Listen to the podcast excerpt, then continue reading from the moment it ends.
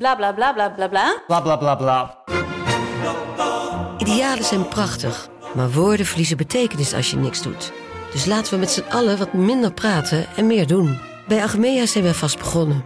Zo gaan wij voor minder verkeersslachtoffers, gezonde werknemers en duurzame woningen. Waar ga jij voor? Kijk op www.werkenbijagmea.nl Maak je ook een transfer naar VI Pro?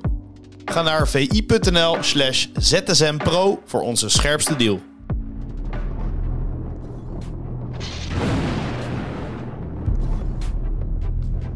Tim, goedemorgen. Goedemorgen. Het is woensdag 8 februari van het jaar 2023. Eh, we zitten in een bekerweek.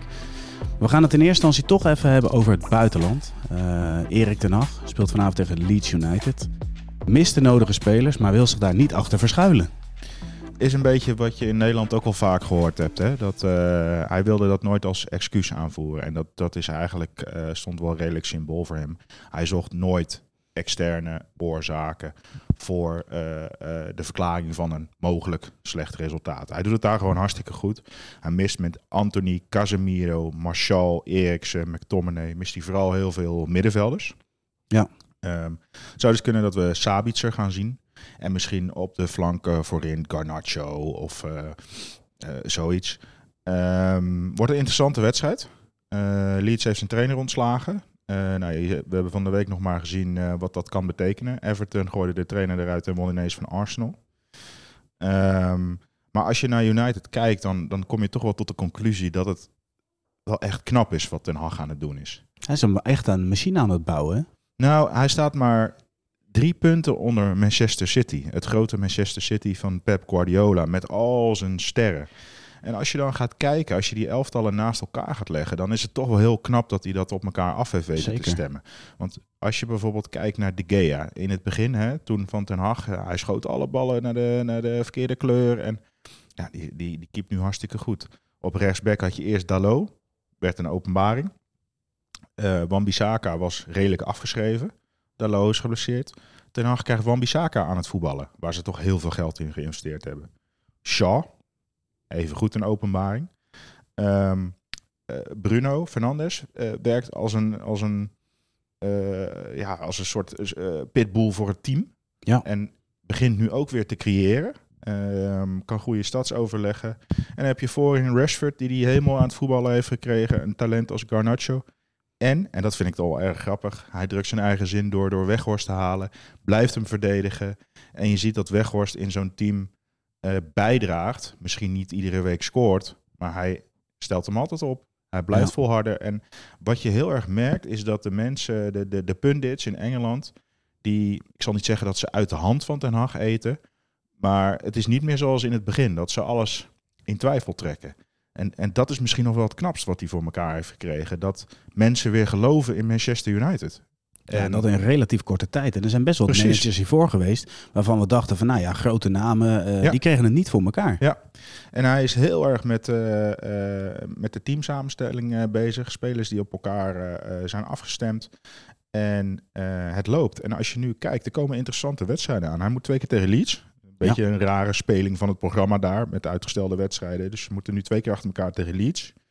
Dan krijg je het uh, tweeluik Barcelona. Wordt ook heel erg interessant om te zien. Met tussendoor Leicester. En dan krijg je de League Cup finale tegen Newcastle.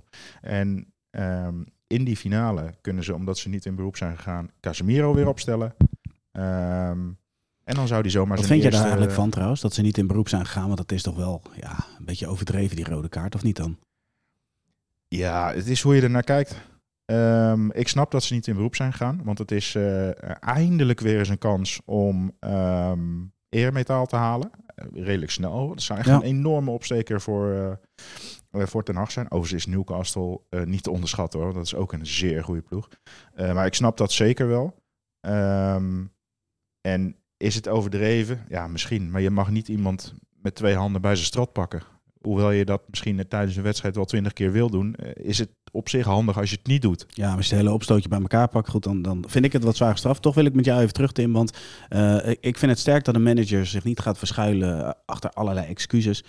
maar we kunnen wel stellen dat het gemis van Casemiro is eerder dit seizoen al een keer geweest. Dan, dan voel je dat wel gelijk. Hij heeft heel veel eh, poppetjes heeft hij weer aan de voetballen gekregen. Eh, of nou inderdaad, je noemt Dalot, Wan-Bissaka. eh, vullen elkaar goed aan. In die zin, als de een er niet is, doet de ander het goed.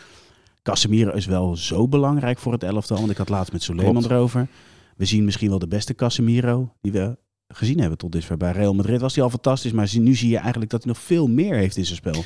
Nou, eh, hij is nu eh, misschien belangrijker voor het United van Ten Hag dan dat hij toen was eh, voor het Real. Ja. Dat zoveel prijzen pakte, omdat daar natuurlijk nog veel meer geweldige voetballers omheen stonden. En nu vind ik dat, kijk, Ten Hag zegt dan, het mag geen excuus zijn. En dat is misschien ook wel zo als je zo'n grote selectie hebt als bij Manchester United. Maar eh, laten we wel wezen, eh Eriksen ligt er ook uit, speelde op middenveld ook een hele belangrijke Ja. rol.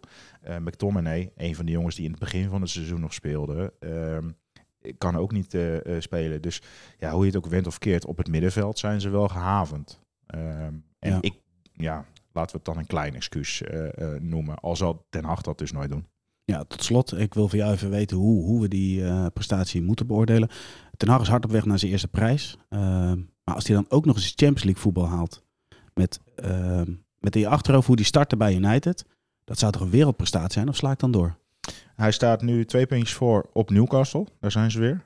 Ehm, en ik denk dat je gelijk hebt als hij in de top 4 eindigt aan het einde van dit seizoen. eh, dat dat inderdaad eh, een geweldige prestatie is. Dan gaan ze eindelijk weer Champions League voetballen. Krijgen ze die inkomsten erbij. Kunnen ze een volgend stapje zetten. Kan hij nog een transferperiode kijken naar wat hij, eh, hoe hij de ploeg wil versterken. Want ze zijn natuurlijk met een spits bezig. Ehm, maar vooral eh, het verschil tussen eh, Manchester United en Manchester City, dat dat drie punten is, dan denk je van wow, dat, dat, dat is wel echt heel erg knap. Ja, we gaan naar het volgende onderdeel. eh Tim, want dit was het meest gelezen item op VI.nl. Nu het meest gelezen item op VI Pro. En dat gaat over het eh, krankzinnige salarishuis van PSG. De ongezondste superclub van Europa. Ja, En laat die nou net eh, de gezondste, tenminste een van de gezondste clubs van Europa treffen. nou als je dit zo leest, dan, dan hoop je eigenlijk dat Bayern ze afdroogt. Hè? Ehm, eh, ik hoop vooral dat het een heel mooi tweeluik wordt. Maar ja, het zijn echt hallucinante cijfers. Het is echt bijna niet te volgen. Als je kijkt naar de verliescijfers, hebben ze over de laatste drie eh, eh, jaar 717 miljoen verlies geleden. Ehm, de sponsoropbrengsten zijn in 10 jaar, zeggen ze, eh, keer 21 gegaan.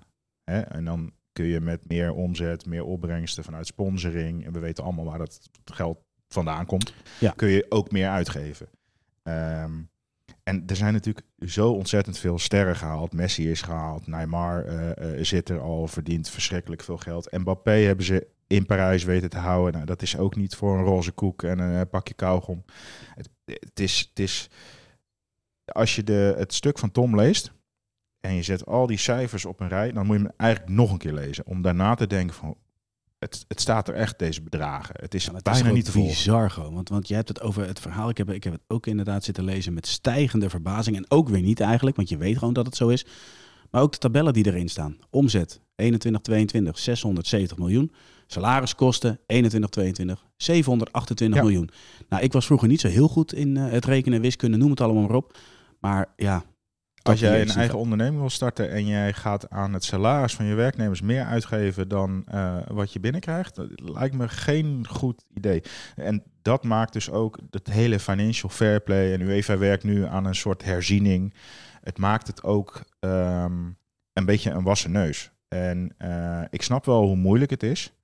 Ehm, maar ze hebben wel eens een boete van 10 miljoen gehad. Ja, ik, ik denk echt dat, dat als ze dan de deuren van het kantoor dicht doen, dat ze daar met z'n allen keihard om gaan zitten lachen. Ja, dat haalt de sheik uit zijn binnenzak. Ja, en eh, een voorwaardelijke boete van 55 miljoen. Ja, dat is dan voor heel veel clubs heel veel geld.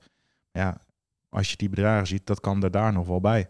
En ik denk dat je pas op het moment dat er andere sancties dreigen. ehm, en die dreiging zou er altijd moeten zijn, maar ze pakken nooit door. Je krijgt natuurlijk een leger advocaten op je en dat worden langslepende zaken. En eh, nou ja, we weten allemaal hoe lang dat kan duren. Ik denk wel dat eh, ja, je moet gewoon inge... Het klopt niet. En ehm, Ja, maar het klopt niet. Het is ook levensgevaarlijk voor een club. Want nu, nu hebben ze natuurlijk eh, zoveel extreme geldstromen vanuit het Midden-Oosten. En dat, dat, dat is in dit geval ook zo. Maar straks zijn ze het speeltje zat. Stappen ze Nou ja, eruit en dan? Het grote doel is nog niet gehaald. Ze de hebben de Champions Champions League nog niet binnen. Nee. Eh, op het moment dat je die binnenhaalt, eh krijg, genereer je natuurlijk ook weer een heleboel inkomsten. Maar ik ben wel benieuwd, het gaat natuurlijk een keer gebeuren. Ze gaan een keer die Champions League winnen in de komende jaren. Want dat kan bijna niet anders. Ik ben heel erg benieuwd wat er gebeurt als dat een keer lukt. Als dat misschien twee keer lukt. Of dan, als dat grote doel weg is, of ze dan ook nog al dat geld erin blijven pompen. Nou ja, dat kun je afvragen, ja. En, en hoe kijk je dan naar het contrast met Bayern München bijvoorbeeld? Want we hebben het er vaker over gehad. eh Paris Saint-Germain, City, ze willen zo snel mogelijk de statuur van, van Real Madrid, van Barcelona, noem het allemaal op. Dat, dat, dat is wat ze nastreven. Maar kijk dan naar Bayern München. Ehm, al 30 jaar op rij, zwarte cijfers. De enige grootmacht die winst wist te maken in de drie seizoenen van corona. Maar ondertussen ook zeer succesvol. Dus Ja. het kan wel. Alleen is het dan dat ze niet het geduld hebben om langzaam op te bouwen om daar naartoe te gaan? Eh, ik denk inderdaad dat ze geen geduld hebben. Dat, dat durf ik wel redelijk als een feit eh, eh, vast te stellen. Als je bijvoorbeeld ook kijkt naar het verschil in salaris wat wordt uitgegeven. Volgens mij heeft Tom dat op 404 miljoen weggezet. Het is eigenlijk niet te volgen dat die twee dan, dat het nog spannend gaat worden. Want dat gaat het natuurlijk worden. Ehm, die clubs zijn natuurlijk heel moeilijk te vergelijken. Want ze hebben een hele andere eh, organogrammen, een hele andere opzet. Dus misschien moet je dat ook niet doen. Maar ehm, er zijn twee manieren van kijken naar PSG. Je kan je, kan je hierdoor ehm, laten irriteren. Je kan ook kijken wat voor moois er allemaal op het veld staat. En ja, laten we dat dan maar doen. Maar dit blijft wel altijd in je achterhoofd. Ik net zeggen, je kan niet helemaal loszien. Eh Tim, we gaan het ook nog even hebben over het bekervoetbal. Eh, gisteren speelden AZ en Utrecht tegen elkaar. Naar het doelpuntrijke gelijkspel. Eh, opnieuw wel veel spektakel met momenten. Maar het gaat vooral over ja, het penalty-moment. Hoe kijk jij daarnaar? Ja, ik vond het geen penalty. En ik snap, een VAR nodig gehad, hè? ja, die was er niet. Eh, Jordi Klaas was hem driftig aan het uitbeelden, maar hij was er niet, omdat dat komt pas vanaf de kwartfinale. Dan, ehm, eh, er zitten nu nog amateurclubs in. In de kwartfinale overigens ook, omdat die nog tegen elkaar spelen. Ja. Ehm, maar ik denk dat als hier een VAR was geweest, dat hij de penalty had teruggedraaid. En dat is best wel een eh, pijnlijke constatering. En dan wordt natuurlijk iedereen heel erg boos eh, op social media. En als je gedupeerd bent, word je, is het ook heel erg vervelend. Het is natuurlijk wel al een vaststaand feit al een tijdje. Je weet het bijvoorbeeld bij aanvang van de wedstrijd, weet je al dat Ja, er niet is. Ehm, maar eh, ergens is, is het natuurlijk wel ehm, pijnlijk en vervelend. Eh, ik snap ergens de, de beweegredenen echt wel hoor. Alleen ehm, eh, zeker in bekervoetbal, waarin je met één goal eh, gewoon eruit kan vliegen, ehm, is het eigenlijk heel erg jammer dat het er niet is. En ik snap heel goed dat je niet in eerste, tweede, derde ronde bij heel veel amateurclubs met zo'n eh, hele VAR-installatie kan komen. Maar Ja, nee, aan de andere kant, Tim. Het is, het is niet ingewikkelder dan de feed vanuit de locatie, laat maar zeggen, in Zeist binnen laten lopen en meekijken. Ja. Uiteindelijk is het gewoon, ja, terugspoelen. Wij kunnen dat ook op televisie. Nou, ik denk, wat is, wat is kwalijker? Als je in zo'n ronde ehm, op één wedstrijd na het overal wel hebt. Of dat je het helemaal nergens hebt. En op die ene wedstrijd na, dan, dan wordt al geze- snel gezegd van het zijn geen Ja, gelijke het is lastig om een... maar eh, dat snap ik ook wel. Alleen, ik had daar persoonlijk wel beter mee kunnen leven. Dat bij die ene wedstrijd waar het misschien geen optie is, vanuit kosten, vanuit installatie of wat dan ook allemaal, mhm. dat je het daar niet doet, maar bij de rest wel. Nou ja, de andere kant, Tim. Het, het gaat vaak natuurlijk over eh, eh, de mensen die zich irriteren aan de VAR. En nu wordt de VAR gemist. Dus in die zin, eh, het Ja, zorgt dat altijd voor zou je wel sentiment. blijven houden hoor. Want als hij er wel is, kunnen mensen ook weer boos worden Precies. over hoe die besluit. Want stel je voor dat de VAR had besloten dat dit geen grote fout was en dat hij de penalty had laten staan. Ja. Ja, ehm, dat is een ander verhaal. Daar zal je nooit helemaal van af zijn. Als we ooit gehoopt hadden dat we door de VAR van dat soort discussies af zouden raken, dan ik denk dat iedereen er nu ik achter is dat dat niet gaat gebeuren. Helemaal eens. En Dan tot slot, hè, de winnende treffer van Maeda. Wat een geweldige aanval was dat. Nou, de, bal is natuurlijk ook al perfect. Hè? Hij rondt hem heel goed Ja. af. Maar eh, het, Het zit in balletje- hele aanval. het balletje is ehm, niet alleen goed geplaatst. Maar wat ik mooi vond, is dat de snelheid is precies zoals die hoort te zijn, zodat hij eh, direct kan afronden. En de snelheid en de, de, de, ja, eh, van die bal, van die, van die, van- volgens mij was het Kleiber. Ja, dat, dat, dat, ja, dat is geweldig. Ehm, en dat maakt het een schitterende goal. Ehm, zuur voor AZ. Ze zitten even in de hoek waar de klappen vallen. Ze missen heel veel verdedigers en dat, dat merk je ook gewoon. Ehm, dus het is te hopen dat er daar snel een paar terugkomen. Omdat uh, met uh, Bazoer, Dekker, Bruno Martens, Indy, uh, Beukema, Van Heusden... heb je al vijf centrale verdedigers die ze missen. En ja, dat is toch wel pittig. Ja, eens. Vanavond gelukkig ook weer bekervoetbal. Uh, PSV ontvangt FC Emmen en uh, Feyenoord krijgt NEC op bezoek. En, maar ja, goed, de meest beladen wedstrijd van vandaag is uh, Spakenburg tegen Katwijk natuurlijk. De vissersdorpen die tegen elkaar opnemen, waarbij er geen uitsupporters welkom zijn. Maar goed, genoeg om morgen weer te bespreken. Tim, ja. bedankt voor jouw bijdrage aan deze VZSM. En Graag gedaan. zoals we vaker zeggen, tot ZSM. Jo.